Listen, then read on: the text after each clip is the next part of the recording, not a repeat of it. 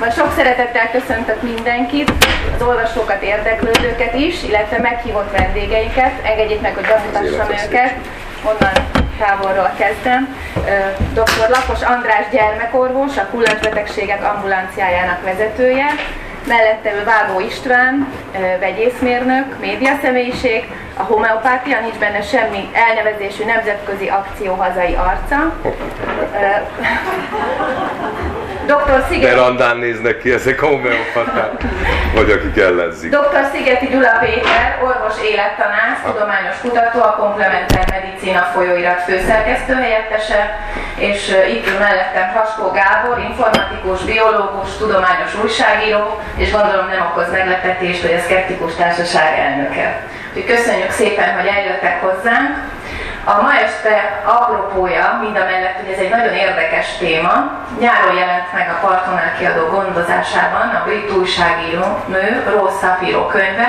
Azt gondolom, hogy már a címéből is beveszed, vagy mire jók és mire nem az alternatív gyógymódok, illetve Vágó István ajánlása is sugalja, hogy ez egy igen szkeptikus megközelítése a témának.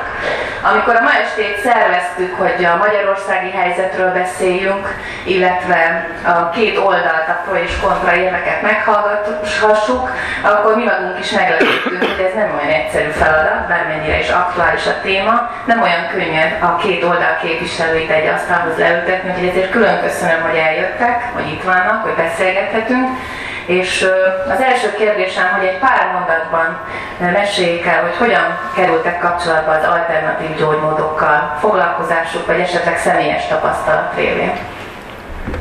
Hát én ugye orvos vagyok, klinikus most már több mint 30 éve, és rengeteg olyan páciensem van, aki valamilyen alternatív medicina hálójába keveredett. Nagyon gyakran fordul elő, hogy már az alternatívoknál is voltak, és utána jönnek hozzám. Ami persze nekem nagy sértés, de végeredményben rengeteg kudarcát látom az alternatív medicinának. Talán, ha, ha mondhatok még egy-két mondatot erről, hogy ugye az a, az a furcsa, az a, az izgalmas ebben, hogy ha valakinek kellemes élménye van az alternatív medicinával, az, az hír lesz rögtön. Tehát az pillanatok alatt terjed, az a médiában megjelenik, meggyógyították a rákból, kézrátétele és hasonló, de az a rengeteg ember, akinél ez kudarcot jelent, az, az szégyelli. Ugye elköltött egy csomó pénzt, egy csomó időt, érzi, hogy becsapták, átverték, hogy bevette, és ugye az, az nem meséli ezt el. Tehát a, a, az a hír, amit általában a, a média, de a laikus világban is úgy elterjed, hogy ez egy olyan egész jó dolog, csak sokan tiltakoznak ellene, vagy néhányan tiltakoznak, de általában jó. Ez ebből a hamis képből alakul ki. Hát én először is szeretnék gratulálni a címéhez a könyvnek, hogy beveszed. Ez egy angolból fordított könyv, ugye? Na most, hát ennél szebb, szebb szójátékot, mint hogy nevezed, őrület, nem? Nagyon irigylem és gratulálok még egyszer annak, aki ezen kívül még hatásos is azt kell mondanom a könyv. Mert hogyha a kedves kérdésére kell válaszolnom, akkor azt mondom, hogy van nekem egy orvos ismerősöm, nem az András, aki, aki esküszik a kiropraktikára, így olvasom én a könyvet, kiropraxisnak mondtam a mellé, és őt végig kinevettem. Komolyan. Szkeptikus voltam. És aztán az, hogy de adjál nekem egy esélyt, hogy megmutassam, hogy megfogta a nyakamat, és kitörte, és onnantól kezdve jól éreztem magam. És azt mondom, ebben lehet valami. Elolvastam a könyvet, azóta megint megcsináltam, nekem megint nem működik. Van egy másik általam is bevett, abban az értelemben, ahogy ez a címe, alternatív medicinás eljárás, ez pedig a masszázs. Néha nekem fáj a hátam, meg fáj a fejem, meg fáj a nyakam, és akkor, hát most nincs itt mondhatom a feleségem látom már, hogy akkor most engedjen, hogy megmasszírozom. Működött. Elolvastam a könyvet, azóta nem működik. Na most ezt magyarázzák meg. Ez egy, tényleg egy érdekes diotómia, mert nálamnál, aki nálam szkeptikusabb, az már csak az elnök lehet. Már úgy értem, hogy a szkeptikus társág de, de még nálam is úgy tűnik, hogy ezek a placebós, ezek az önszuggesztiós hatások mégiscsak bejönnek. Hogy azt kell mondanom, hogy nekem is gondot okoz, hogy azoknak, akiket eddig ugye kiváltottak kiropraktikával, és nem tört be a nyakcsibolyájuk, vagy nem repett el, azoknak én most megmondjam, hogy csinálj, hogy ne csinálj, vagy nem mondjam meg. Gyerekek, fütyül a mikrofon megint, valaki figyelje. Én egy kicsit visszatérnék az eredeti kérdéshez, hogy hogyan kerültünk kapcsolatba, vagy hogyan kerültem kapcsolatba. 2007-ben történt az, hogy családjogok miatt nekünk Debrecen el kellett hagyni, és amikor szóba került az, hogy Budapestre jöjjünk, akkor én úgy gondoltam, hogy akkor valami újat próbálnék csinálni.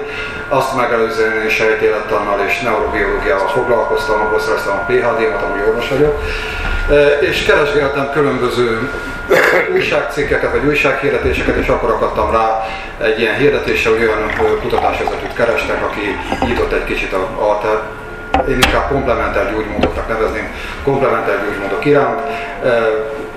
Jelentkeztem, aztán kiderült, hogy egy cégben kellene ilyen étrend kiegészítőkkel foglalkozni, valamint hogy a komplementer medicina folyóirat megújulását kellene levezényelni.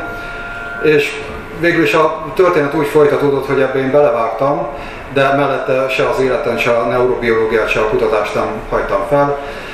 A Semmelweis Egyetem Humanitan Intézetébe kerültem, majd pedig egy, mégis kimondom, a OTK-hoz, a, a Országos Tudományos Kutatási Alapprogramokhoz, és én főállásban tulajdonképpen kutatás, kutatás, finanszírozás, tudománypolitikával foglalkozom, mellette pedig a komplementer medicina újságban egy megítélésem szerint új irányt adtam. Leginkább azáltal, hogy, hogy próbáltuk a tényleg tudományosan alátámasztható, vagy tudományos tényekkel alátámasztható komplementer gyógymódokat előtérbe helyezni, és visszaszorítani azokat a területeket, ahol ezek a evidenciák hiányoznak. Röviden. Én pedig úgy kerültem oda, hogy valamikor, amikor arra eszméltem, hogy én belőle már tudós nem lesz, és valami tudományos ismeretteresztést kéne csinálni, akkor megtaláltam a úgynevezett tényeket tisztelő társaságát, ami a szkeptikus társaság előtt működött, és ott volt például Vágó István is, és emlékszem, hogy én magam küzdködtem, hogy jöjjön már össze egy elnökségi ülés, és ez valahol a Balaton környékén meg is történt, és nagyon meg voltam illető, hogy ott komoly tudósok közt vagyok, meg Vágó István egyebek, és, és én meg senki nem voltam ott, tehát még, még csak tag se voltam, mert tagság se volt egyébként, és ott volt arról szó, hogy mit kellene csinálni a, a, a tudományos ismeretterjesztésben a, azokkal a témákkal kapcsolatban, amit áltudománynak vagy ezotériának nevezünk, és akkor sok minden fölmerült, természetesen ugye a UFO-k, az asztrológia, meg egyebek, és akkor kettő dolog történt, az egyik az az, hogy, hogy gyakorlatilag Istvánon kívül mindenki azt mondta, hogy hogy ide nem kell nagy csinnagratta, ezt itt tudományosan csináljuk, és nem kell itt nagy publikumot előhozni, hanem csak szétszer rendesen, hogyha ismeretet terjesztünk, akkor az működni fog. Ezzel már akkor se értettem egyet, és hát láthatóan István se. A másik az nagyon érdekes volt, és az kapcsolódik a mai témához, hogy azt mondták, hogy hát ezt az alternatív komplementer medicinát, ezt ne, ehhez ne nyúljunk, mert ez egy olyan, olyan érzékeny téma. Lehet, hogy te nem is emlékszel, de ez, ez, ez azért volt számomra érdekes, mert én már akkor kezdtem unni az ufókat, meg az asztrológiát, meg az örök mozgókat, és úgy éreztem, hogy ez egy sokkal érdekesebb téma, és én azóta foglalkozom vele, ez már tizenvalahány éve volt, és elkezdtem az irodalmát foglalkozni, a háttér dolgokat, eljárok kongresszusaikra, olvasom az újságaikat, és úgy gondolom, hogy azon az oldalon is komolyan vesznek engem. Tehát úgy, hogy mint aki azért hát nem teljesen kókler a témában, és úgy gondolom, hogy, hogy ez sokkal jelentősebb téma, mint az UFO-k, vagy a, az örök mozgó gépek. Itt EU törvénykezés van, itt orvosokat képeznek, törvényeket hoznak, bizonyos országokban ugye adókból finanszírozzák. Tehát ez egy, ez egy olyan közéleti téma is, amelyeket, hogyha én kételkedek abban, hogy ez egy tudományos dolog, akkor mindenképpen foglalkozni kell vele. Tehát számomra ez vált tulajdonképpen a fő témába az utóbbi években. Köszönöm szépen. Én azt gondolom, hogy ez nem csak Magyarországon, hanem az egész világon téma és probléma.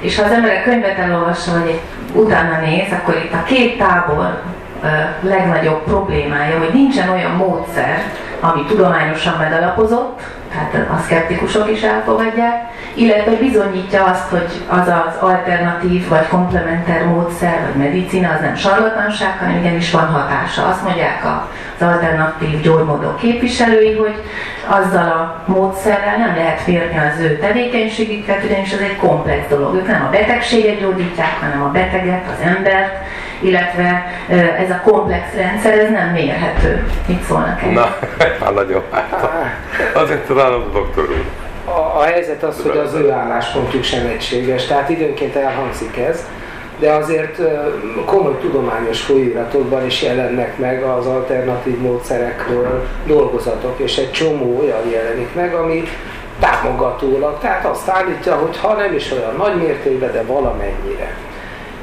A probléma ezzel az, van egy ilyen összefoglaló tanulmány is, ami azért gondolom, hogy elég tanulságos, amiből az derül ki, hogy minél profibb egy ilyen közlemény, annál kevésbé valószínű, hogy ez a pozitív hatás az alternatív oldalon meg, megmutatható. Tehát úgy is lehet fogalmazni, hogy az alternatív medicina egy innováció nélküli, vagyis minimális innovációval működő gyakorlat, szemben mondjuk az orvostudományban, ami ennek megfelelően, noha egy-egy alkalommal talán nem kaszál olyan sokat, mint a gyógyszeripar, de végeredményben szinte kiadás nélkül, finanszírozás nélkül hatalmas bevételekre tesz. Ezek a bevételek alkalmasak arra, hogy folyamatosan reklámozzák magukat.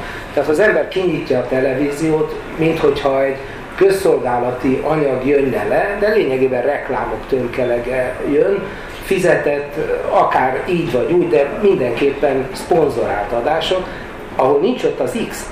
Ugye az egyszerű földi halandó őrült veszélynek van kitéve, mert képtelen megkülönböztetni a tudományos információt az áltudományostól, és ebből adódik tulajdonképpen a probléma lényege, hogy van egy alapvetően szélhámos vagy téves irányzat, ami viszont olyan reklámot kap, amit a tudomány a büdös életben nem. A tudós az örül, hogy a saját tudományát szponzoráltathatja, leközölheti, megcsinálhatja, és általában nem adja rá a fejét, hogy azzal foglalkozzon, hogy hát ismeretet terjeszten, vagy éppen szembeszálljon a tudománytalansággal.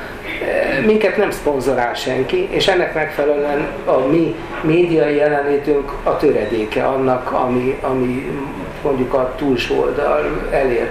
Ezért nagyon jó ez a könyv. Én azt gondolom, hogy aki nem teljesen hívő, ugye az alternatív medicinának nem elvakult képviselője, az nagyon tanulságosnak fogja ezt tartani, mert itt lényegében sorra van véve az összes alternatív irányzat.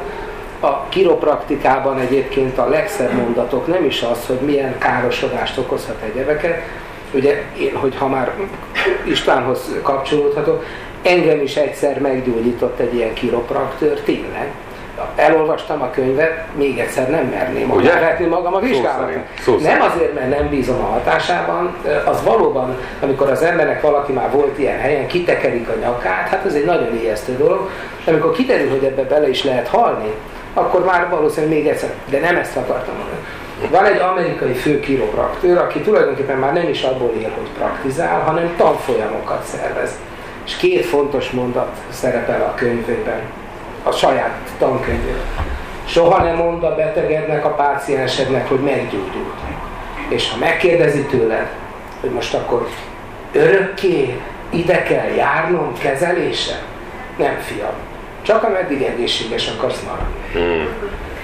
Az a kérdésem, hogy van-e különbség az alternatív és a komplementer között? Mert ezt mi szinonimáként használjuk, de van-e között különbség, tartalmi hát, különbség? Én azt kell, hogy leszögezzem, és én ezt a, ezen az állásponton vagyok, hogy a, az akadémiai orvoslásnak alternatívája nincs. Tehát én is azon a véleményen vagyok, hogy olyan, hogy alternatív gyógymód, olyan nem létezik. Létezik komplementer medicina vagy komplementer gyógyászat, amely elősegíthet bizonyos gyógyulási folyamatokat, elősegíthet bizonyos krónikus betegségeknek a, a gyorsabb gyógyulását, vagy kevesebb gyógyszerrel történő gyógyulását, illetve a komplementer medicinának szerepe lehet, és szerepe van a megelőzésben. Tehát én, én ezen a véleményen vagyok, hogy alternatív gyógymód olyan, mármint az akadémia orvoslásnak nincs, komplementer gyógymódok léteznek. Te parancsolj. De látom, hogy ehhez akarsz hozzászólni. Nekem már elment Egy kicsit a nevezéktanhoz. Én azért máshogy látom ezt a dolgot. Van egy jópofa zenész, muzsikus ember, aki annak a nótájában az van, hogy ilyen repszerű nóta, hogy tudod, hogy nevezik azt az alternatív gyógyászatot, amelyiket beigazolódott gyógyászatnak. Tehát mondjuk én úgy gondolom, hogy ez az egész ez egy, egy marketing folyamat, ami valaha kezdődött azzal, hogy alternatív.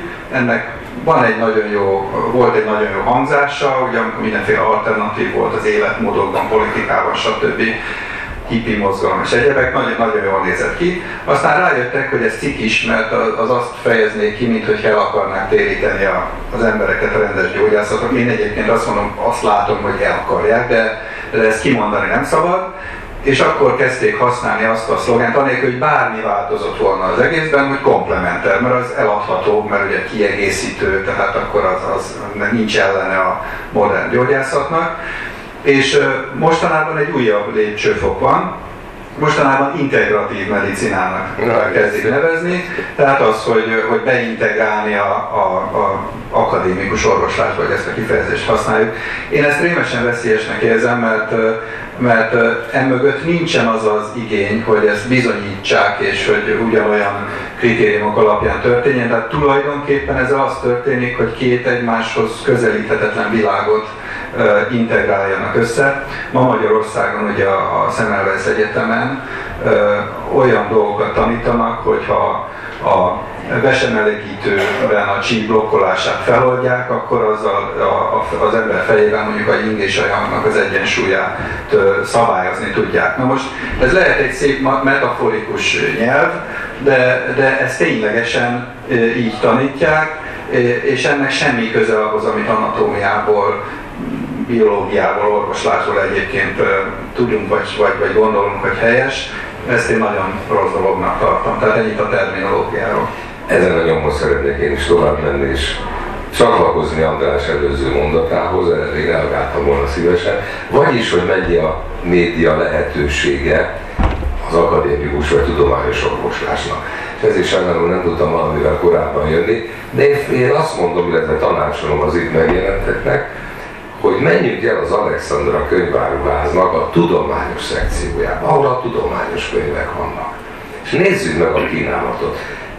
Nem tudom, hogy ez egy ugrás a sötétbe, tehát nem tudom, hogy igazam van-e, de az a gyanúm, hogy ami tudományos ismeretterjesztés gyanánt ugye egyes könyvek magukról állítanak, ott lesz a írésajam, ott lesz a csi, ott lesz az akupunktúra és minden egyéb, és a valódi, amit mi tisztességes tudományos ismeretterjesztésnek gondolunk, az, az, az túlnyomó kisebbségben lesz, és ez nagyon szomorú a, a, az eladó példán szem tekintetében egészen biztos. Tehát lehet, hogy a címekben meg aztán de De hogy, hogy, hogy, ezek az áltudományos anyagok, amiket hát szinte minden páciens sem elolvas, tehát hihetetlen, hogy milyen népszerűek. Emellett mondjuk a, a valódi tudományról nagyon kevés fogalmuk van az átlag embereknek. Nekem van, van még egy pár ilyen mondatom, amit már ugye itt-ott elsütöttem, de megismétlem hogy az alternatív medicina egy, egy ókori gondolkodásnak a, a mai modern folytatása. Tulajdonképpen a tudomány előtti érának a konzerválása, a, az egyik ilyen ragyogó példa, talán sokan tudják, hogy a fehér orszarvú gyakorlatilag kipusztult, azért, mert a, a, az orszarv, az a kackiás, merev eszköz, az úgy emlékezteti az embereket, hogy hát a potenciál növelő hatása lehet és leölték az összes állatot ezért a izért, mert hogyha porban beveszem, akkor sokkal fickósabb leszek. És az is lett? Na, na várjuk, ne, ne, ne. De mondjuk ezen, ezen sokan vihognak, remélem, hogy sokan. De nekem van olyan páciensem, orvos ráadásul, aki azt mondja, hogy az aromaterápia is nagyon szuper, ha egy cserép kakukfüvet teszünk a páciens mellé, akkor mit tudom én, megoldódik a depressziója. És ott percekig nem ez lenne a feladatom, de megpróbál engem erről meggyőzni. Ugye hát vicces, azt gondolom, hogy az emberek többsége számára ez vicces. Ugyanúgy a ginseng, ami hát közismerten egy ö, ilyen kis baba formájú gyökér, azzal, hogy ez úgy néz ki, mint egy kis ember, ezzel az, e, kivívta magának azt a jogot, hogy ha ezt borítva ilyen-olyan adagban beveszi a, a, a fiatal asszony, akkor hamarabb teherbe esik. Vicces? Persze. Hmm. De, de mégis millióan hisznek benne, vagy talán több millió, százmillióan. Most ugyanis szépen lépésenként el lehet menni mindahhoz, amit látunk a tévében. Kézrátétellel való gyógyítás, távműtétek, pénzenergia, hatás és egyébként Szóval ez tulajdonképpen mind, ezek nyilvánvaló csalások, igaz? Tehát senki nem gondolja, hogy, hogy, hogy ezek, de mégis egy csomó ember bedől neki. És akkor lehet fokról fokra közelíteni, hogy a, ez az alternatív izé, ez, ez tulajdonképpen a, a szélhámosságnak a, a, a gyűjtő területe. A, az egyik változata a napokban volt egy ilyen botrány, hogy valaki meggyőzött egy merrákos nőt arról, hogy az általa továbbított bogyók azok ilyen-olyan zseniális hatással működnek. Ugye ez egy nyilvánvaló csalás volt, kiderült, hogy a tablettákban C-vitamin, fokhagyma, meg nem tudom, mi minden van. Menjünk tovább. Tehát akkor, a, ha az ember azt mondja, de hát azért az akupunktúra, az, az ugye a legkényesebb dolgok egyike, mert az akupunktúra valóban hat de kiderül, hogy ha nem oda szúrunk, tehát az az egész hatalmas halandzsa, ami az akupunktúra körül van, több éves tanfolyamokat kell teljesíteni. Tehát ha nem oda szúrunk, ha nem is szúrunk, ha csak úgy csinálunk, az körülbelül ugyanúgy hat. És, és van még egy ilyen példabeszédem, hogyha bírják még, ez, ez pár hónapja a New England Journal of Medicine-ben ez a legrangosabb orvosi folyóirat, jelent meg egy nagyon érdekes tanulmány, ahol asztmás betegeket vizsgáltak, négy csoportra osztották a pácienseket. A, az első csoportban valódi hatóanyagot kaptak, egy ilyen befújós sprét, amivel az asztmájukat amúgy is gyógyították. A második csoport befújást kapott, de placebo volt benne, tehát hatóanyag nélkül. A harmadik csoport ilyen hamis akupunktúrás kezelésben részesült, tehát olyan szerkezetet alkalmaztak, ami utánozta ezt a tűt, de nem jutott tulajdonképpen arra megfelelő akupunktúrás pontokig a szúrás. Valódi szúrás nem történt, de azt az illúziót keltette. És még a negyedik csoport is nagyon érdekes, ővelük semmi nem történt, csak leültették kint a folyosóra, nyugtatólag beszéltek velük, majd sor került a vizsgálatra. A vizsgálat az egy egyszerű légzés funkciós teszt, bele kell fújni egy eszközre, és mérik, hogy tulajdonképpen az aszma állapota milyen. Most jön a, a dráma. Igazi hatás tulajdonképpen természetesen csak a gyógyszer váltott ki, de egy picike hatás mind a másik három kontrollcsoportban is létrejött. Hát ez még úgy elmegy, nyugtató hatása van, törődnek velem. Tehát ez valóban az aszma, ami féli meddig pszichoszomatikus betegség, ez így elmegy. A döbbenet a következő hogy amikor megkérdezték az embereket, hogy és ők hogy érzik magukat, akkor a valódi gyógyszeres csoport és a placébos és az akupunktúrás csoport egyformán jónak találta az eredményt. Na most itt van a következő hatalmas bukfenc, sőt, még azok is egész sokat javultak, akik csak ültek a folyosón, de ők tényleg kevésbé voltak elégedettek az állapot javulásukkal. Itt jön az igazi turpiság, hogy akkor, amikor egy alternatív gyógyász bármilyen szakterületen is kezeli a pácienseit, akkor látja, hogy gyógyul. És maga a páciens is azt mondja, hogy tényleg sokkal jobban vagyok. Sőt, ez a folyóiratban, ehhez a cikkhez a szerkesztőségi közlemény is számomra botrányosan azt mondta, hogy át kéne gondolni, hogy tulajdonképpen nem is a műszeres vizsgálat az érdekes, hanem hogy hogy érzi magát a beteg csak van itt egy súlyos bökkenő. Az asztma többé-kevésbé ugye halálos betegség. Előbb-utóbb elpusztul a páciens tüdeje, ha nincs jól kezelve. Ő úgy érzi, hogy jó dolog történt vele, hát hogy ez folyamatában vizsgálva hogy alakult volna, azt nem tudjuk. de emiatt a gyógyász is, meg a páciens is elégedett. Csak hogy éppen közben valami nagy baj történik, maga a betegség megy előre.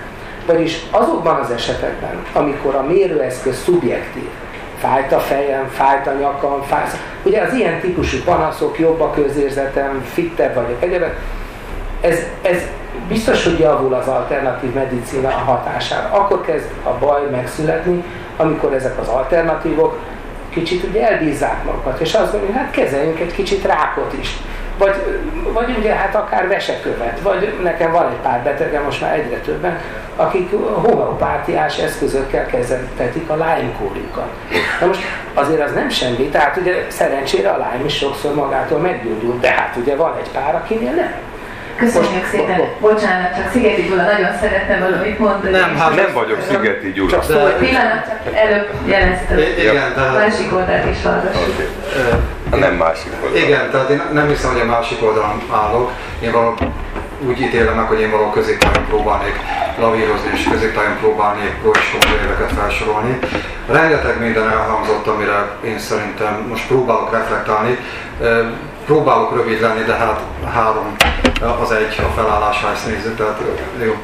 Szóval én egy kicsit visszatérnék ahhoz, amit Gábor mondott, és, és, és ez nagyon elgondolkodtató. Én nem tudom, hogy a Semmelweis Egyetem melyik képzésre gondoltál, van egy tippem, ez a főiskolai karú képzésnek a tradicionális kínai medicina. Kétségtelen, hogyha egy főiskolai szinten TCM-et akarnak oktatni, akkor a tradicionális kínai medicinához hozzátartozik az a filozófiai háttér, ami ezt kiegészíti. Én, én nem is inkább ezt poentíroznám ki, és nem is inkább ezt emelném ki, hanem azt, hogy ez, egy, ez nem az orvosképzés.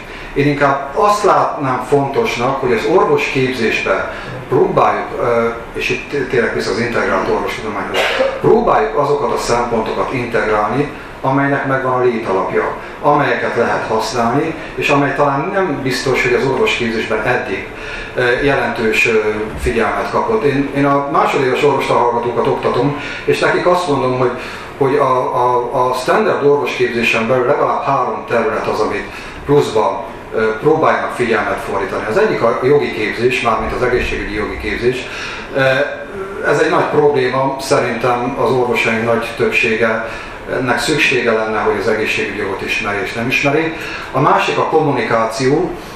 Én, én úgy ítélem meg, hogy egy nagyon nagy probléma manapság az orvoslásban, vagy nagyon sok orvosnál a nem megfelelő orvosbeteg kommunikáció. És harmadik, amit emlegetek a hallgatóknak, hogy, hogy figyeljenek arra és próbáljanak információt szerezni, ez pedig a, a komplementer medicinának azon területei, amelyek tényleg meg van a létalapjuk. Gondolok a fitofarmakológiás kezelésekre, gondolok a tradicionális kínai medicina bizonyos területeire, és itt nem arról van szó, hogy a filozófiát tanítsuk meg hozzá, hanem hogy a, a, az orvos, amikor végez, akkor tisztában legyen azzal, hogy most elnézést, a, a, hogyha van itt Erzsike meg, meg Mariska, tehát hogyha Erzsike néni jön hozzám és mondja, hogy én Mariska nétől... Pista bácsi. Jó, a Pista bácsi. Pista néni a legjobb.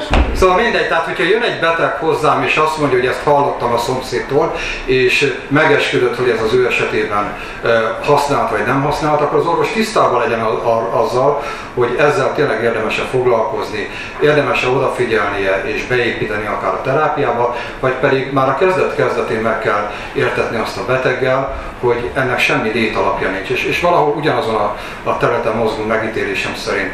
Én szeretnék mondani. Jó, én, én nyugodtan, hogyha ehhez lenne, akkor átadom a szót, mert aztán, aztán az akupunktúrás dolgokhoz szólnék hozzá. Nagyon rövid leszek. Ez a bizonyos tradicionális kínai medicina. Én a könyvben azt olvastam, a tradicionális kínai medicinát mit gondolnak, mikor dolgozták ki? A 20. század elején. Azelőtt nem volt tradicionális kínai medicina. Jó, jó. Azt mondom, hogy, hogy, hogy állították, ezzel bizonyos elemei vannak, de azért még ehhez egy mondatot hozzátenni. Mondjanak nekem egy olyan tudományágat, ahol az, hogy 5000 éves az egy érték. Tehát mitől kellene nekem attól össze e, csinálnom magam, Mondj jobbat. Nem, ez jutott nekem is eszembe. Hogy, hogy azt mondják, hogy 5000 éve ezt csinálják. Nem, azért tehát, ez önmagában nekem egy picit gyanús. világos. Tehát az, hogy tradicionális kínai medicina, ezt említettem, ez a fogalom, ami egy gyűjtő fogalom.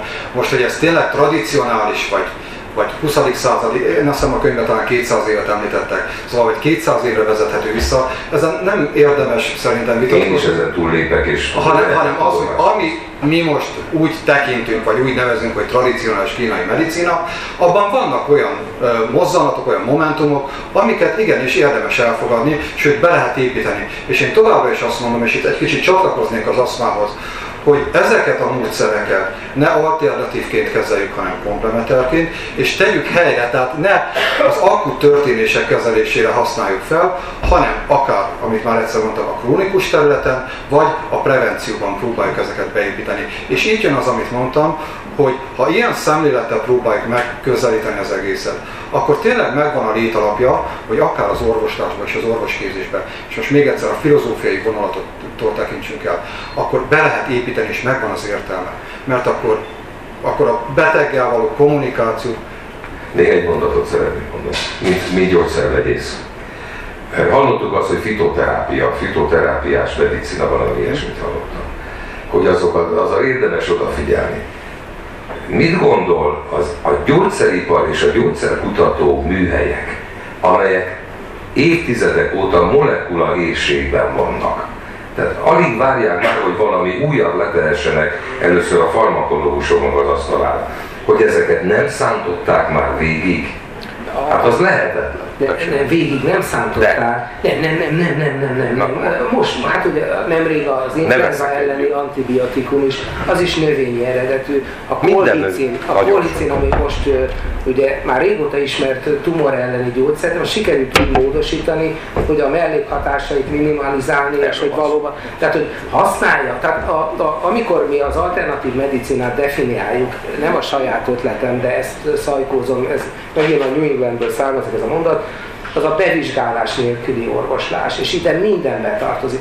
Abban a pillanatban, amikor egy gyógynövényről kiderül, hogy az valóban hatékony, és ezt tudományos eszközökkel bebizonyították, attól kezdve a tudományos orvoslás része, és pont. Amit nem sikerül bebizonyítani, az marad lényegében az áltudományos medicinában. Nevezzük őt eufemisztikusan komplementernek, alternatívnak, azt nem lehet integrálni. Ennek nincs helye. Nincs helye, mert ez egy halandzsa tulajdonképpen. Én elnézést, hogy. Ö, Én azt hiszem itt egy, egy olyan szemléletbeli különbség van, ami egy kicsit a csehovi dialógusokra emlékeztet engem, de lehet, hogy rosszul hoztam a példát. Tehát én, én ugyanarról beszélünk, ha van egy gyógyszer hatóanyag, amine, vagy van egy növényi hatóanyag, amiből gyógyszert lehet csinálni, akkor az legyen gyógyszer, és legyen az akut kezelésnek a része.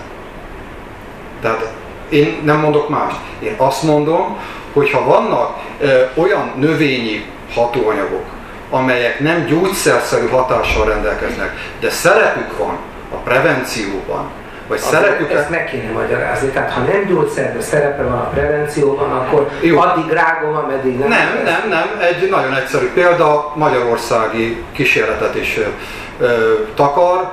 Ez pedig az, hogy a Gödöllői Egyetem még az 50-es években elkezdte vizsgálni a magyar zöldség, gyümölcs, gabona összetételét, vizsgálta az ásványi tartalmát, vizsgálta a vitamin tartalmát, és vizsgálta a, a különböző egyéb komponenseket. És az volt a megdöbbentő eredményük, hogy az 50 és 95 között azt hiszem akkor zárult a vizsgálat, tehát egy 40 éves időintervallumot átfogva a zöldségeink, gyümölcseink, gabonáink, rost, vitamin, valamint, valamint ásványi anyag tartalma 10 és 30 százalékra esett vissza.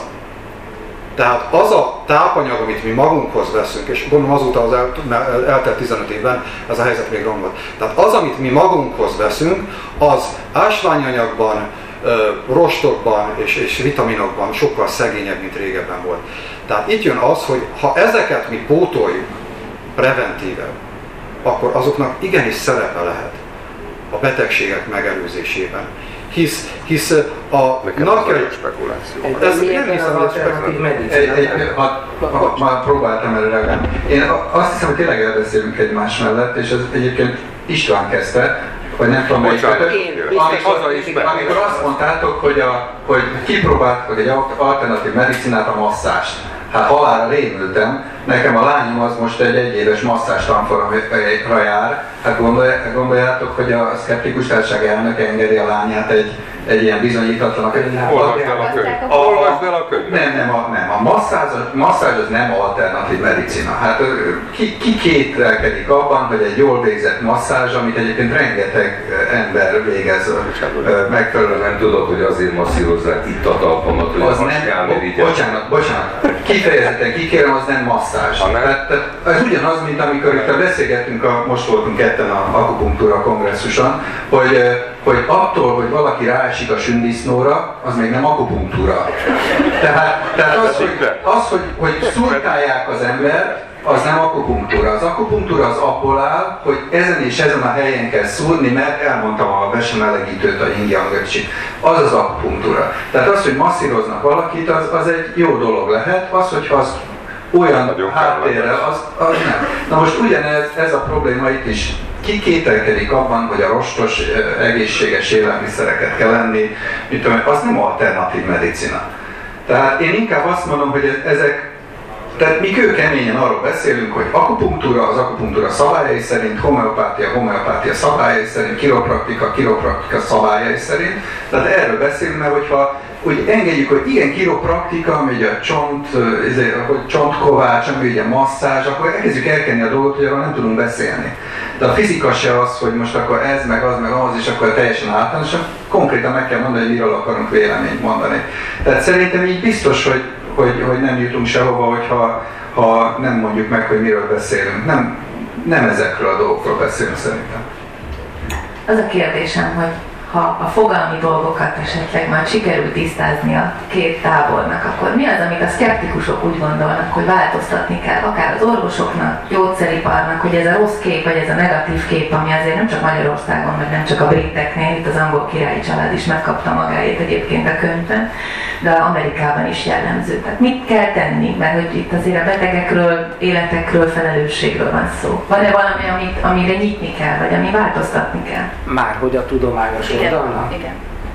Hát még keményebben kell fellépni az alternatívokkal szemben. Szerintem ez elég Ne, nem, nem csak. Én, én azért ö, ö, tényleg harmadszor voltam az akupunktúra, akupunktúra kongresszusán, és le akartak szúrni Nem, de ö, nagyon, nagyon rendes orvosok vannak ott, akik gyógyítani akarnak tényleg, és biztos, hogy sok, sok embert meg is gyógyítanak. Én mindig azt szoktam mondani, hogy az alternatív medicinából tanulhatunk. Ezt mutatják azok a tesztek, amikről te is beszéltél, hogy mit gondolnak az emberek a kezelésről, milyen érzéseik vannak, stb. Nagyon sokan úgy gondolják, hogy akik alternatív medicina kritizálóak, azok például azt gondolják, hogy a placebo hatás az hülyeség. Dehogy is, ugye azt szokták mondani, hogy az az orvos, amelyik nem tudja kiváltani a placebo hatást, az menjen el korbonznak. Tehát, tehát, tehát nyilván, hoppá, tehát nyilván a placebo hatás nagyon fontos. A, mit kell megtanulni az alternatív medicinától? Az, hogy a páciensekkel foglalkozni kell, hogy, hogy újból vissza kell állítani az orvos és a páciens közti jó viszonyt, hogy higgyen benne, stb. Ezek egész biztosan fontos dolgok. De, de hát a másik dolog még, amit említeni lehet, hogy biztos vissza kell venni abból a gyakorlatból, hogy még maguk szerintem az orvosok is, és, és egyébként a társadalom, a páciensek is úgy gondolják, hogy majdnem mindent meg lehet egy pirulával oldani. Tehát ugye gyakran ezért fordulnak alternatív medicinához, mert elmegy egy jó, egy jó orvoshoz, én édesen nem is orvos, tehát ilyen, én gondolom, hogy jó orvos. Elmegy egy jó orvos, és a jó orvos azt mondja, hogy influenzás az illető, hát jó, pihenjen, igyon sok folyadékot, stb. De ezzel nem küldheti el, mert az illető azt mondja, hogy hát nem adott nekem gyógyszert. És akkor ki fogja harcolni, hogy, hogy végül adjon egy gyógyszert? Van olyan orvos, aki nekem azt mondta, hogy ő azért ad homeopátiás pirulát, mert hogy valamit adnia kell, és úgyse, úgyse használ. Ez, hogy, hogy tanulnunk kell az alternatívoktól, meg hogy a, a betegekkel való kommunikáció és ennek a folytatása, hogy látni kell, hogy ez a borzadály, ami a modern egészségügyet jellemzi, ahol futószalagszerűen látják el a betegeket, ha ellátják. Tegyük föl, hogy mondjuk Amerikában vagyunk. A, érteni kell, hogy ezek a berendezések, mint a CT, a PET-CT, a SPECT és a hasonló csoda eszközök, olyan baromi drágák, és olyan gyorsan avulnak el, hogy valóban minden percét ki kell használni. Ha egy műtőről van szó, ahol uh, ugye a, a koronária szűkületeket oldják meg, és ott 10 percenként, vagy fél óránként, vagy két óránként kell egy életet megmenteni, akkor ezt a futószalagszerűséget igenis támogatni kell tudomásul kell venni, hogy ebben nincsen benne az a locsi fecsi, hogy és hogy érezte magát hat éves korában, amikor egyes kapott az órán. Szóval ez nem fér bele. Ugye ennek a személytelenségnek isszuk meg mindannyian a levét, tehát hogyha nagyon jól működne ez az egészség, mint hogy Magyarországon ugye látjuk az zuhanó repülést, tehát ez úgy néz ki, hogy feltartóztathatatlan, és emellé száll be tulajdonképpen az alternatív medicina ezt pótolni, akkor ott rettenetes dolgok lesznek. Az alternatív medicinának van még egy különleges sajátsága, a képviselői, akik folyamatosan fellépnek a tudományos orvoslással szemben. Szidják az antibiotikumokat, hamis információkat erre az antibiotikum kezelés, rontja az immunitásunkat. A védőoltásokat, hogy az így meg úgy milyen káros, milyen rettenetes, hát szinte naponta van egy interjú, hogy majd belehalt az oltásba, és ehhez hasonló és ezzel szemben terjesztik tulajdonképpen ezt a halandzsát, ami egy áltudományos ismeretes vagy anyag, amivel, hogyha nem, valaki nem nagyon képzett, és nem néz utána minden marhaságnak, akkor el van veszve. Tehát a, a, van még egy mániám, ezt elhadarom, hogy ha a, ugye a tudomány fejlődése elképesztő, és még hogyha az ember egy picit is a saját szakterülete mellé lép, már analfabétának érezheti magát. A tudományos ismeretterjesztés kénytelen vulgarizálni, tehát leegyszerűsítik azokat a gondolatokat, mondatokat, amiket a, a tudósok összehoznak, és a végén ez a fajta stílus, vagy mondani való nem különíthető el az áltudománytól. Az áltudomány sajátja, hogy tudományos köntösbe bújik, hogy igyekszik mindent úgy megmagyarázni, mintha maga is tudomány lenne, és nagyon nehéz a kétféle dolgot elválasztani. Ja, én, én nem biztos, szóval én ahhoz, a, hogy el kell fogadni, hogy, hogy rohamó világban élünk, és az orvostudomány van, és az, az orvosnak nem biztos, hogy e, van ideje a beteggel foglalkozni. E, ehhez tényleg egy személyes példát, hogy mondjak el. Én négy évig éltem az Egyesült Államokban, e, ott betegként is sajnos volt szerencsém orvosokkal találkozni. Jó szerencsét, jobb szerencsét kívánok. Hát mind a két tehát a fiam is és a lányom is ott született, tehát igazság Aha. szerint ez a magyarázata inkább. És érdekes módon én azt tapasztaltam, hogy ott is van egy rohanó világ, ott is van minden, de valahogy a, az orvos-beteg kommunikációra mégis van idő. Mellette pedig nem olyan régen nyáron egyik Semmelweis magatartású tudományi intézetben dolgozó barátomtól kaptam egy, egy cikket, amely viszont azt mutatta meg, hogy Magyarországon az orvos-beteg kommunikáció a 19. másodpercben gyakorlatilag befejeződik, és onnantól kezdve irányított kérdések vannak, majd orvosok által irányított kérdések, ami nem biztos, hogy jó. Szóval ezt az egészet csak azért akarom mondani, hogy, hogy eh, most tényleg tekintsünk el attól, hogy alternatív komplementer, de valahol én a mai orvoslásnak, mai, főleg magyar orvoslásnak egyik rákfenét azért mégiscsak abban látom, hogy ez az orvos-beteg kommunikációra nem jut elég idő. E, hogyha ezen lehetne javítani, és, és tényleg oda lehetne figyelni az orvosoknak a betegre, ez sokat segítene magában a megtisztulásban is szerintem. Lehet, hogy naív vagyok, és megteszem, hogy én magam is orvos vagyok, és gyakorlós is voltam egy időben.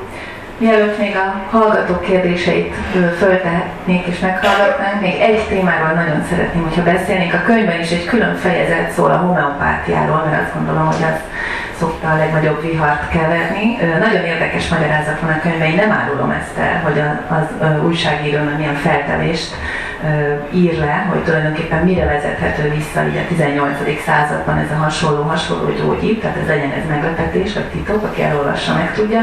Önöknek mi a véleménye a homopátiáról? Alternatív, sarlatánság, komplementer, van benne hatóanyag, nincs benne hatóanyag. Erre az évelei események óta nem nagyon várhat tőlünk más választ, mint amit akkor is adunk, nincs benne semmi. Szerintem ez is egy szép De magyar azt mondják, hogy használ. Tehát nagyon sok Én ember allergia, Oké. szerte a gyógyszereket, De ennek ellenére nem én, hiszek benne, de én használ. még azért ezt a kört velem kipótolnám az előző kérdésre, de azért erre fogok válaszolni. Hogy mit tehet a tudomány, illetve mit tehetnek a szkeptikusok, nagyon keveset. Ugyanis ez a fránya tudomány, ez az évszázadok vagy évezredek óta egyre több és több ismeret alapján rendszeresen módosítja bizonyos dolgokról a nézetét, az álláspontját, egy divatos szokonyat, a paradigmáját. Tehát azt mondják ugye mások, hogy leír egy törvényt, és aztán meg nem működik. Kiderül, hogy ez a törvény mégse igaz, mert valaki megcáfolta. Hát ez benne éppen a szép, és ez benne éppen a tudományos, hogy ezek változnak az új ismeretek alapján. Kiderül, hogy egy törvény, egy nagyobb törvénynek csak egy peremfel, peremfeltételekkel, nevezetesen a földi peremfeltételekkel létrejövő esete. Szemben az alter, úgynevezett alternatív medicinával, ahol ismétlem magam, mindig csak arra a bizonyos hosszú múltra hivatkoznak, és nem fejlődik egy tapottat se. Kérdőn nézek rád. Én tovább home, ja, bocsánat, a homeopát, és a homeopátia erre a legjobb bizonyíték. 250 éve egy büdös lépés nem tettek előre, se a bizonyításában, se a mechanizmus elmagyarázásában, se bármilyen hatás igazolásában. Ugyanott topognak, mint ahol Hahnemann ezt az egész marhaságot kitalálta. Én, jó, visszatérve oda, tehát most, hogyha nagyon ellenkezni szeretnék, akkor azért azt mondom, hogy vannak olyan természettudományi törvények, amelyek hosszú-hosszú évtizedek, századok és ezredek óta nem változott. De, de nem, nem ezt szeretném válaszolni. Most keresek egy ilyet. Hát azért a termodinamikai alaptételek, vagy, vagy mit tudom, a Pitagorasz. Tehát szóval azért, azért vannak olyan alaptételek, amelyek változatlanak, és én most ezt nem azért mondom, hogy védjem a komplementer és az alternatív medi- medicinát, hanem csak azért, hogy egy kicsit ellenkezzek. Azért Gausszal és Lobocsevszki még beszélgess. Jó, persze, Ők ezt nem így látják. mi- mindenhol vannak uh, alternatív elképzelések. Nem, nem, nem. Jó, Nem, a Pitagorász tétel az a földi körülmények között az, ami. ja, világos, jó, hát ö, Lobocsevszkinél már nem. De a földinél stabil, azért van. jó, Igen, tehát- ezt mondtam én is. Tovább vive ezt a gondolatot. Tehát én is azt mondom, és én azt hiszem folyamatosan ezt mondtam a beszélgetés folyamán, hogy az lenne a cél, hogy megtisztuljon ez az egész terület, ami komplementer, az tényleg komplementer legyen és legyen beépíthető, ami alternatív, azt felejtsük el, ezt szabályozzuk jogilag, eh, tegyük meg a lehetőséget, és próbáljuk az orvoslást is olyan irányba elmozdítani, és itt gondolok a tartozik? A homeopátia. Ö, ö, Én 2007-ben, amikor ugye említettem, hogy kapcsolatba kerültem ezzel az egészen, én megfogalmaztam a saját véleményemet, azon se változtatok, ez egy placebo hatás. Tehát ezt, ezen nincs mit, tehát nincs más állítható. Csak a, a szkeptikus szlogennel szembe menve, még csak az sem igaz róla, hogy nincs benne semmi. Tehát van egy csomó homeopátiás szer, amiben definitíve gyógyszer alapanyagok, éppen növényi hatóanyagok vannak, még pedig gyógyszerkönyvi mennyiségben. Tehát igazán hat. Most amikor valaki bevesz egy ilyen vizét, akkor nem tudja lehetne, tehát aki nagyon profi és érti azokat a nagyon ravaszul megfogalmazott dolgokat, ami egy dobozon van, ha egyáltalán az eredeti dobozba kapja majd meg a szerét, akkor kiderülhet belőle, hogy igenis hatóanyagok is vannak benne. Tehát valamikor, amikor valaki azt mondja, hogy nekem ez hat, akkor nem biztos, hogy a placebo hat, lehet, hogy gyógyszer.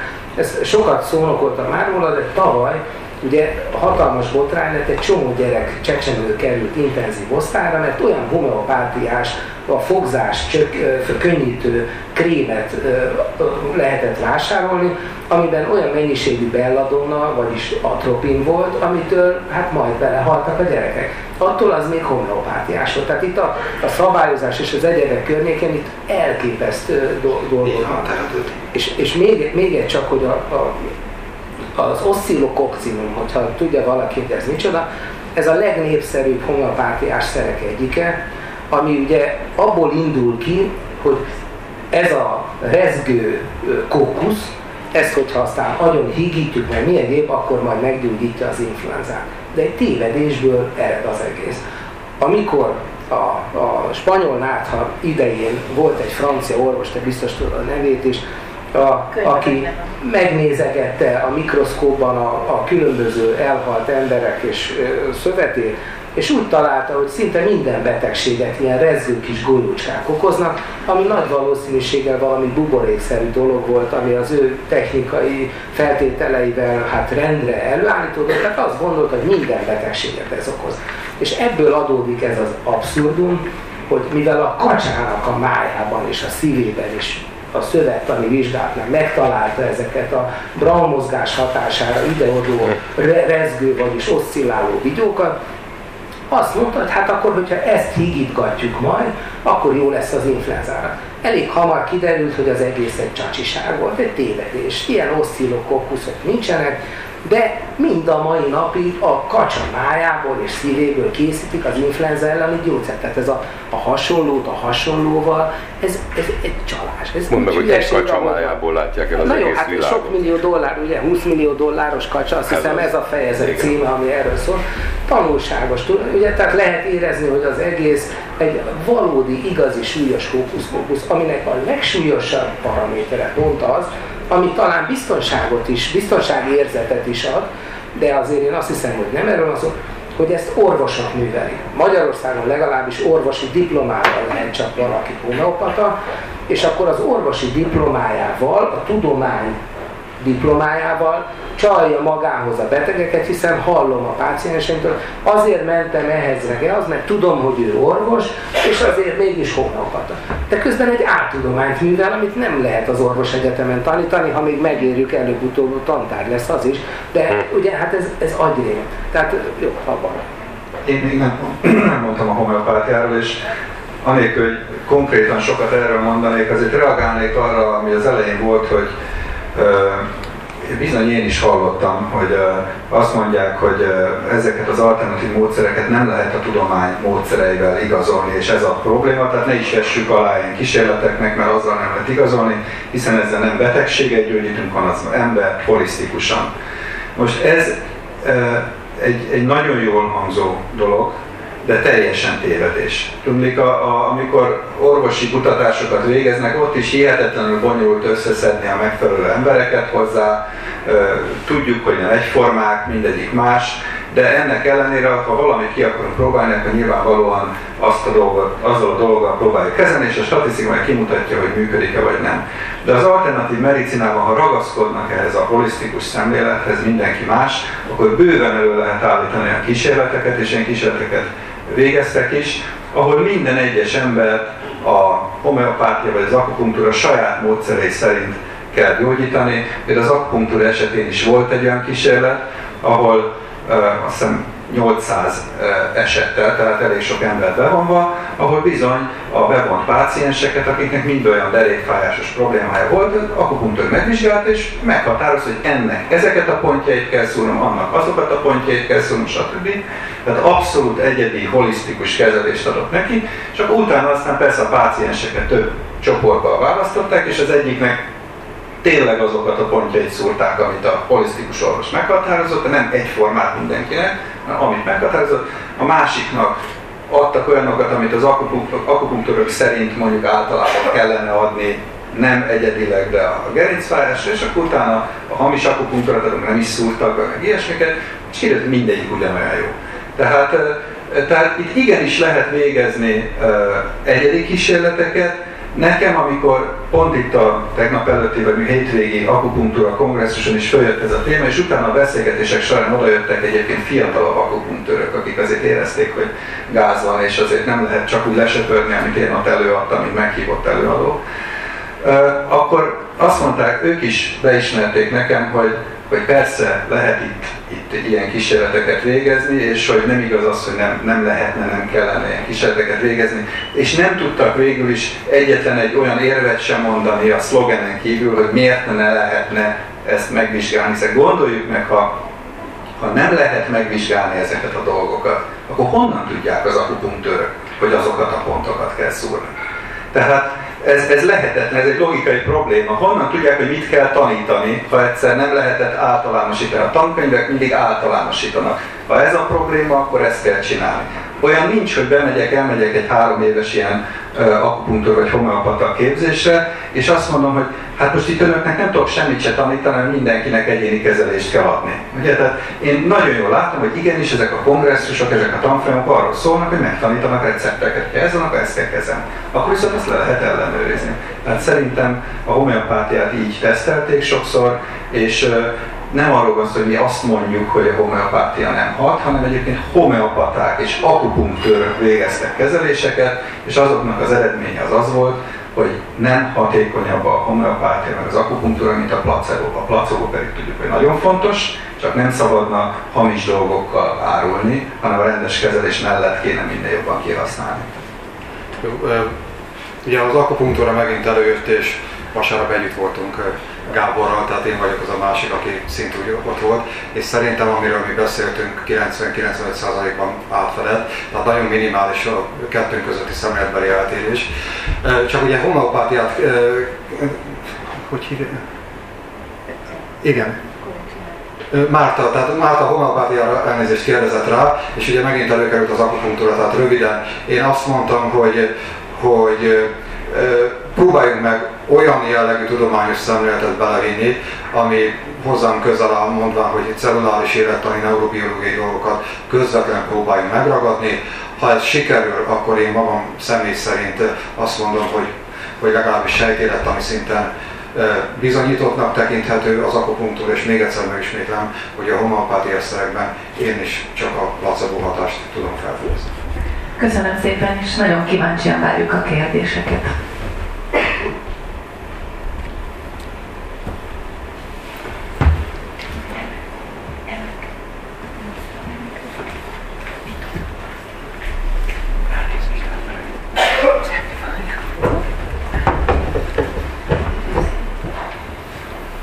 Tiszteletem! Mezei Zsuzsanna vagyok. A Szemelveszélyetem hát az RTK korán dietetikus, harmadéves hallgató vagyok.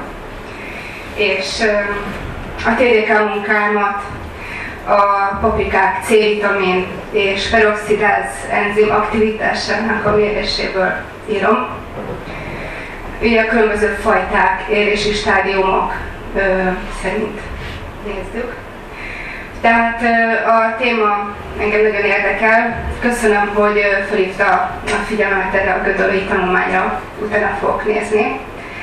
Viszont egy aprócska megjegyzésem lenne, ez az én személyes véleményem az eddigi tanulmányom alapján, az az lenne, hogy az OET jelenlegi táplálkozási ajánlása szerint a kiegyensúlyozott táplálkozás elégséges a megfelelő vitamin, ásványanyagtartalom és egyéb szükséges nutriensek biztosítására.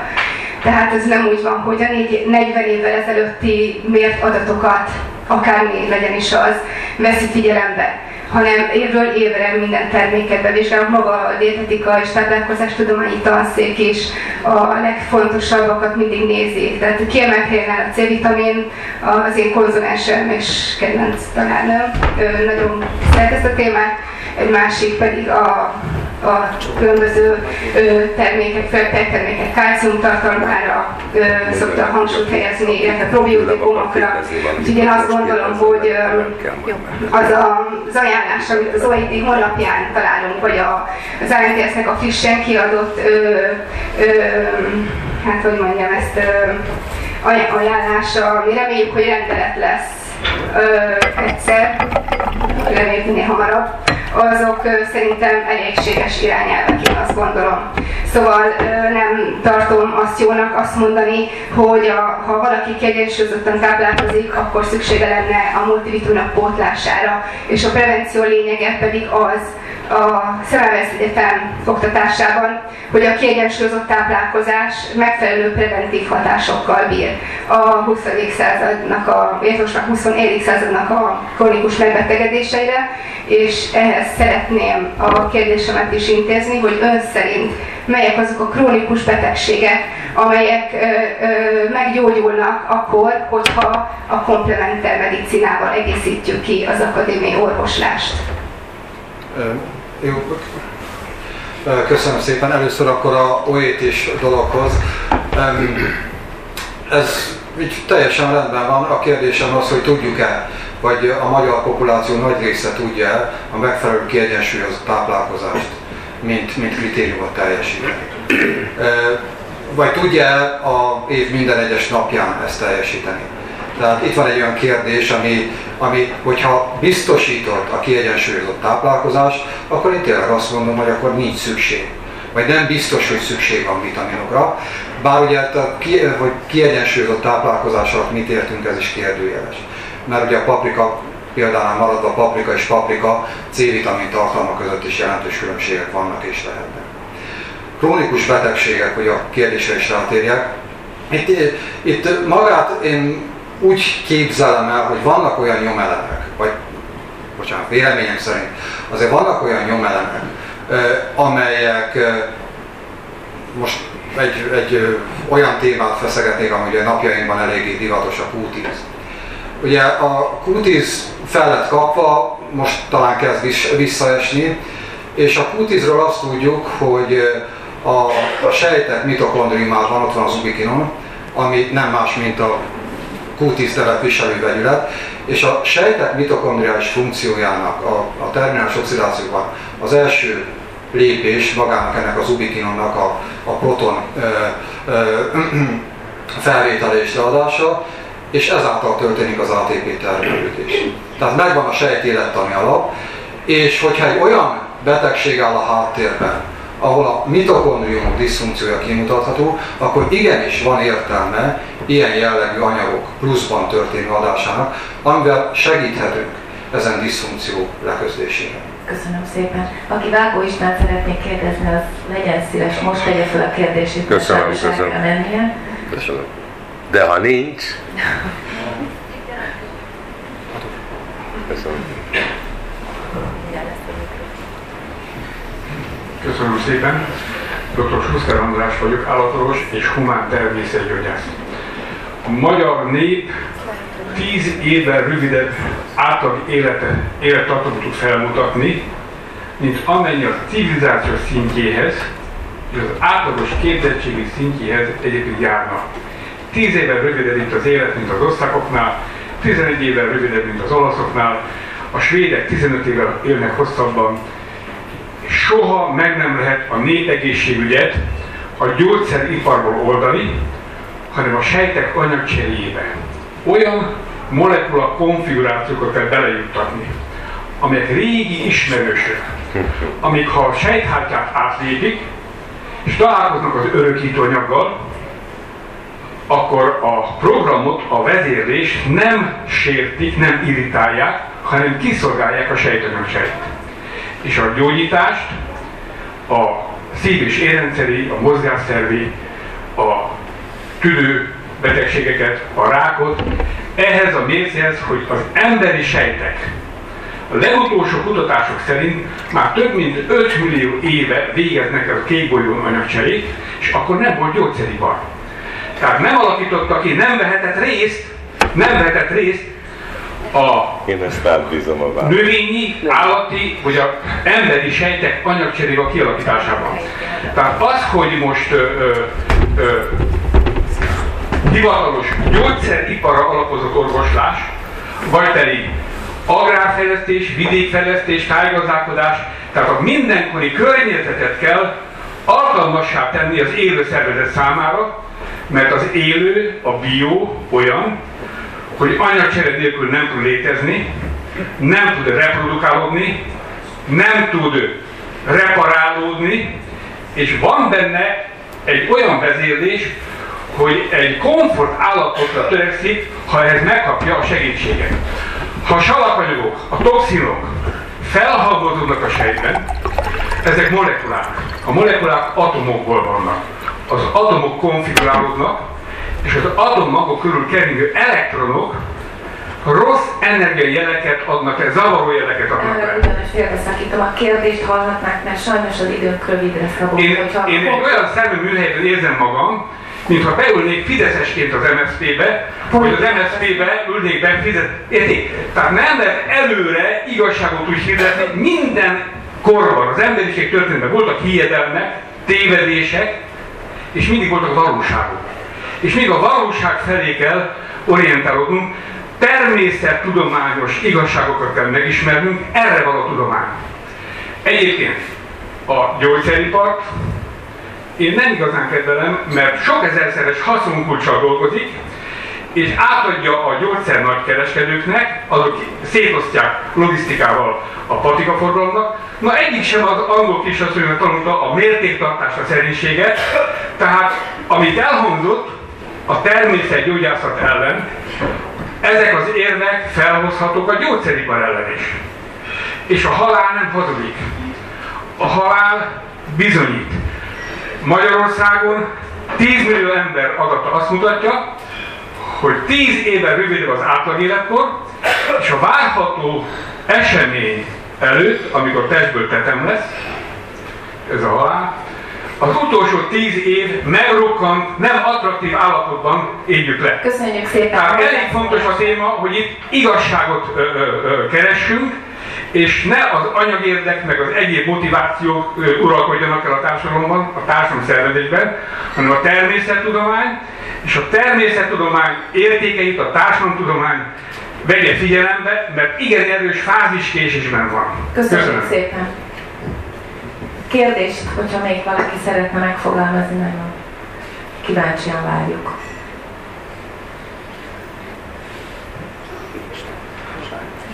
Köszönjük szépen a vendégeinknek a gondolatébresztő... Ja, bocsánat. Megy a mikrofon. Köszönöm szépen. Nagyon röviden megpróbálom összefoglalni. A doktor úrnak szeretnék elmondani egy dolgot, hogy az én gyerekem kb. 5 és éves korában megbetegedett. Egy ártatlanabb tűnő megfázásból nem tudtunk kijönni, és kb. másfél éven keresztül egyre rosszabb és rosszabb lett az állapota.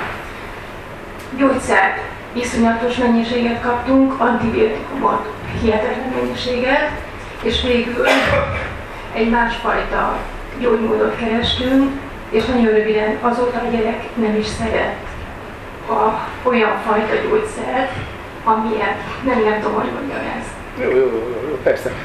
Én, én is tudok egy ilyen példát mondani. Én egy olyan osztályon dolgoztam a László Kórházban tíz éven keresztül, akik szoros kapcsolatban álltak a gégészettel. Tehát az volt a gyakorlat, hogy a gégészeten esetleg a gégészeti ellátáson túlmenő súlyosabb betegek keletkeztek, nem ritkán a gégészeti ellátás következtében, azok átkerültek a mi osztályunkra.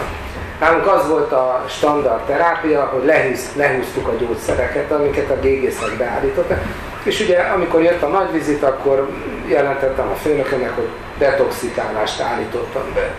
Jöttek a szülők gyakran fölháborodva, hogy hogy, hogy nem kap a gyerek gyógyszert, mikor, milyen súlyos állapot. Ja, és meggyógyultak természetesen, nem csináltuk volna ezt. Hogyha. Szóval nem egészen, a probléma ennél sokkal bonyolultabb. Van a tudományos orvoslásnak egy gyakorlata, ami fényévnyire van a tudományos orvoslástól. Tehát amikor a kolléga azt mondja, hogy itt a gyógyszeripari elképesztő hibákat véd a, a mindennapi orvoslás, meggondolatlanul, indokolatlanul, bután, tudatlanul, végtelen, egész nap szívom a kollégáimat, tulajdonképpen ezzel töltöm az időmet. Tehát nem arról van szó, hogy az, amivel ön találkozott a, a kezelések során, hogy az a, az a valódi orvoslás, hanem szakértelemmel kell gyógyítani, tudni kell, mikor mit kell csinálni. Nem jellemzi ez a, a hazai orvosi gyakorlat vaskos tömegét. Ez nem ér amellett. Tehát nekem is vannak, egyrészt vannak olyan pácienseim, akik azt mondják, hogy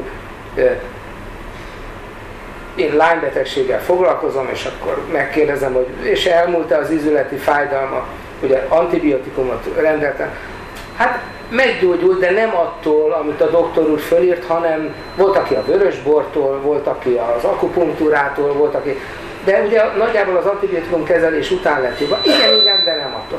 Tehát szóval, hogy ez egy végtelen ö, probléma halmaz, amiben nem szabad belefolyni. Tehát én is történetek tucatjait hallgatom meg naponta. Nem, nem ez az alternatív medicinának a fokmérője. Sikertörténeteket rendszeresen lehet hallani, a, a kérdés az, hogy be tudjuk-e bizonyítani, hogy az a kezelés, vagy az a kezelés, vagy az hatékony akár a tudományos orvoslás, akár az áltudományos gyógyászat oldalán. Ha be tudjuk bizonyítani, hogy az működik, az áltudományból átmegy a tudományba. A dolog pofon egyszerű, de ezt a fajta gondolkodást valahogy nem sikerül elhinteni. Tehát én azt gondolom, hogy nem érdemes ilyen típusú vitákba belekeveredni, mert nem tudjuk megoldani nem tudom, hogy neki mit, hogy, de a végeredménye az, amit az alternatív medicina során hatékonynak érzünk, az be kell tudni bizonyítani, hogy tényleg az. Mert én is érezhetem, hogy amit csinálok marha jó, de nem tudom bebizonyítani, akkor az értelmetlen dolog. Tehát, na most a ez a, a, a standard megfogalmazás, hogy az alternatív medicina a bevizsgálás nélküli orvoslás. Ebben benne van a fitoterápia egy nagy része, a homeopátia, az akupunktúra. Az igazi nagy botrány tulajdonképpen az, hogy most már két évtizede ömlik a pénz ilyen vizsgálatokba. Most is van, kaptunk ilyen anyagokat, hogy az Unió megint hány millió, vagy hát nem tudom a számot, de nagyon nagy összeggel támogatja éppen most a homeopátiás kezeléseknek a vizsgálatát. Csak hogy már rengeteg ilyen vizsgálat történt, és egyáltalán nem várható. Ömlik bele a pénz, valódi tudományos vizsgálatoktól megy el a pénz, és mind a mai napig meggyőző bizonyítéka ezeknek a kezeléseknek nincsen. Sikertörténetek egy-egy, vagy tíz, vagy száz esetben vannak, de ez nem a tudományos bizonyíték. Én, én azt szoktam mondani, hogy hát bot, Botor, aki egy ilyen történetre azt mondja, hogy de az illető nem gyógyult meg. Már egyébként ilyen is előfordulhat, de, de ebbe kár belemenni. Tehát ezek mondjuk azt, hogy tények. Eddig rosszul volt, most meggyógyult, ez tény. A nagy kérdés az az, hogy hogy ebből le tudjuk-e vonni azt a következtetést, hogyha egy következő embernek ilyen típusú problémája van, akkor így kell kezelni.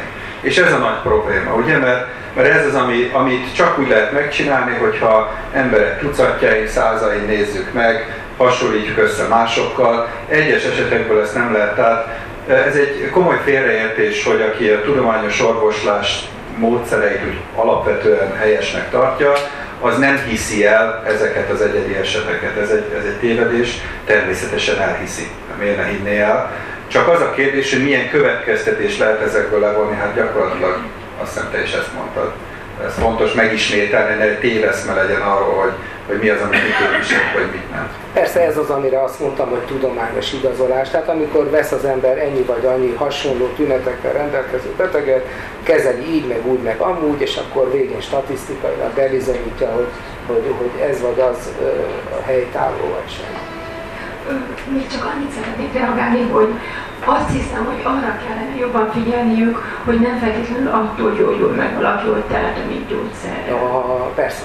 Természetesen, tehát ezt én is egy pillanatig nem gondoltam. Az én példám remélem világos volt, hogy nagyon sok esetben ugye a gyógyszeres kezelések ártalmasak. Tehát amit Gábor is mondott, és ezt figyeljék majd meg a médiában, mondjuk a tévéreklámokban, hogy lényegében arra ösztönöz mindenkit, hogy vegyél be valamit. Nincs idő a fejfájásra, mondja az egyik reklám, ott ordít 6-8 gyerek, ugye verik a bilit, meg a cintányért, meg egyebeket, és ahelyett, hogy lekeverne neki egy frászt, ugye, antidemokratikus módon, bevesz egy tablettát. Na most ez nonsens, tehát ez, ez, ez, ez, de higgyék el, figyeljék meg, folyamatosan ez a sugallat érkezik, és amikor a gyógyszeripar gonoszságáról van szó, nem vitás, ezek a reklámok szerintem nagyon is veszélyesek és ártalmasak, arra ösztönzik az embereket, hogy valamit be kell venni valamihez. Most nem akarok megint a saját példáimmal előjönni, de lehet ezeknek, ezek nélkül a gyógyszerek nélkül gyógyítani. El kell tudni különíteni, mik azok a helyzetek, amikor ha nem adunk valamilyen gyógyszert, akkor azzal bűnös mulasztást követünk el, és a beteg halálát okozhatjuk, vagy maradandó károsodását, az összes többi esetben meg nem kell gyógyszer. De megszokták az emberek, köhögünk, ugye akkor beveszünk valami köhögés csillapítót. Ha náthásak vagyunk, akkor csöpögtetünk az orrunkba, ha kötőhártagyulladásunk van, akkor csöpögtetünk.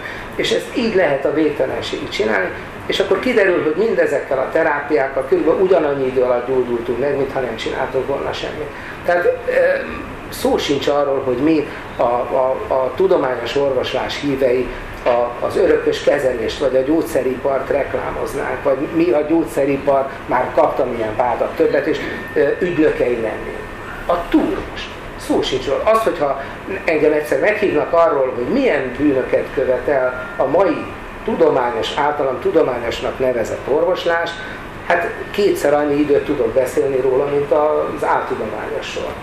De ez egy másik, másik, másik. Következő kérdést hallgassuk. Igen, köszönöm. Én, mint teljesen abszolút kívülálló, bennem az merült fel, hogy volt ugye egy kérdés, hogy, hogy mit, mit tehet a orvostársadalom ezzel nem, vagy valami. Nekem az jutott eszembe, hogy én, mint egy állampolgár, elmegyek egy gyógyszerbolt mellett, és látom, ki van téve a kirakatba egy akármilyen homeopátiás készítmény. Nyilván alapfeltevés az, hogy én bízok az állam szabályozó erejébe, és valószínűleg ez létezik. Tehát én azt, azt, azt nem látom, hogy, hogy miért nekünk történik elsősorban ez az előadás. Tehát én úgy érezném, hogy, hogy elsősorban az ez az orvostársadalom felelőssége volna a politika felé ezt prezentálni, hogy ezek a szabályozó mechanizmusok meglegyenek. Tehát ez olyan, mint amikor veszek egy ropit, és bízok benne, hogy nem fog tőle felfordulni, mert be van vizsgálva. Tehát... Muszáj Mondja te is, csak azt hiszem, hogy februárban volt ugye a homeopátiáról egy demonstrációnk, nem az emberek előtt csináltuk, hanem az Országos Gyógyszerészeti Intézet épülete előtt csináltuk. Tehát tökéletesen egyetértek ezzel, hogy az államnak igenis felelőssége van ezzel kapcsolatban. Csak azt akartam én is mondani, hogy mi léptünk más irányban, és attól, hogy itt vagyunk, az nem azt jelenti, hogy másik nem voltunk. A, főleg Gábor ö, akna munkájának köszönhető, hogy ugyan egy roppant zagyva fogalmazvány, de az akadémia részéről most megjelent egy állásfoglalás pár hónapja, amiben azt írják, hogy vége van ennek a korszaknak, amikor bevizsgálatlanul lehetett gyógyítani, hogy csak a tudományos bizonyítékokon alapuló orvoslás támogatja a maga az egész állásfoglalás tele van zöldségekkel, de mégis van egy elmozdulás, ez új dolog. A homeopátiával kapcsolatban meg semmiféle vizsgálat nincsen, ezt tessék nekem elvinni, tehát ez a, a, akár az étrendkiegészítő, az összes többi ilyen szemétre, amit megvásárolhatunk, lényegében gátlástalanul állítják, reklámozzák, osztják szét, fizettetnek érte, miközben semmiféle ellenőrzés nincs. Ezek a regisztrációs számok és hasonló, ezek nem a vizsgálatoknak a, a bizonyítékai, hanem csak az, hogy valaki benyújtotta, hogy ezt engedélyezzék, és automatikusan engedélyezik. Én is akkor néhány szót, azt hiszem most teljes egyetértünk mind a hárman. A szabályozásra és a megfelelő szabályozásra szükség van, ez amit mondok.